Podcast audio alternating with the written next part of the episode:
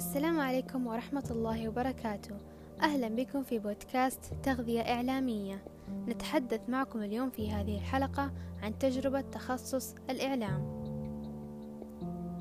من منا لم يكن لديه خيال واسع وأحلام وطموحات أراد بالفعل لو تحققت. بداية رغبت كثيرا بدراسة علوم الطيران والتحليق عاليا كما كنت أتمنى لكن تجري الرياح بما لا تهوى السفن ولعلها خيرا من حيث لا أعلم.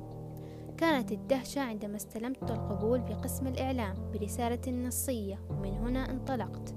تقلبت بين الفينة والأخرى. هل أتابع بهذا التخصص البعيد عن طموحاتي أم أقبل به وأرضى بالأمر الواقع؟ تخبطات كثيرة رافقتني على نحو عام كامل. مرت سنوات وأنا أدرس هذا التخصص المليء بالحيوية والتجديد وكل فصل أكتشف أمورا أجمل عنه حيث التنوع بالمواد والثقافة العامة.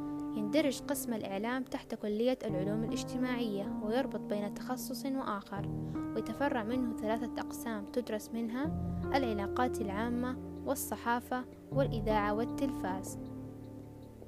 بالبداية حيث ستدرس كل المواد المتعلقة بالإعلام بشكل عام وبعد سنتين ستتخصص وتختار ما يناسبك ما يميز قسم الإعلام الحيوية والتفاعل والتطبيق والتمييز بكل شيء هناك مواد نظرية ومواد أخرى تطبيقية. النظرية مثل مناهج البحث الإعلامي والإعلام التنموي ونظريات الإعلام وغيرها وكلها تشمل إعداد البحوث. أما التطبيقية مثل تقنيات الإلقاء والصوتيات والتدريب الميداني والإنتاج للمواد المطبوعة والمسموعة والحاسب الآلي وأتمة المكاتب. ويجمع هذا التخصص بعلوم أخرى مثل اللغة الإنجليزية والحاسب الآلي وعلم النفس والعلوم الاجتماعية والثقافة الإسلامية. نصائح مهمة جدا لهذا التخصص. أولا يجب أن تكون موهوبا ولديك الكثير من المهارات مثل مهارات الإلقاء مواجهة الجمهور وفنون التعامل مع آخرين والأهم احترام الذات وتقديرها. وأيضا إدارة الأزمات ومهارة استخدام الحاسب الآلي وبرامج التصميم ومهارة الكتابة وإعداد التقارير وأخذ الكثير من الدورات والاطلاع على آخر الأخبار والمنوعات والمطالعة المستمرة.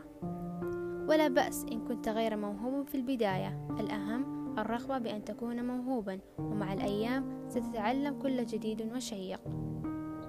ومن واقع تجربة ذاتية ما جعلني أنجح وأحب هذا التخصص اكتساب خبرات عملية وتطوعية في الجامعة والانضمام للأندية الطلابية وأخذ دورات لا صفية في مختلف المجالات الصحية والتوعوية والتطويرية. وأنوه على أهمية التطوع واكتساب الخبرات وأنت في مرحلة الجامعة. وفي الختام وراء كل طموح نور سيقودك إليه. قدر قيمة ما تملك. وبإمكانك أن تكون أفضل ما يمكن أن تكون. لكن ثق بربك وآمن بفكرتك أعمل بتفان وأنجز بإخلاص حتى تكون. شكرا على حسن استماعكم ونلقاكم على خير.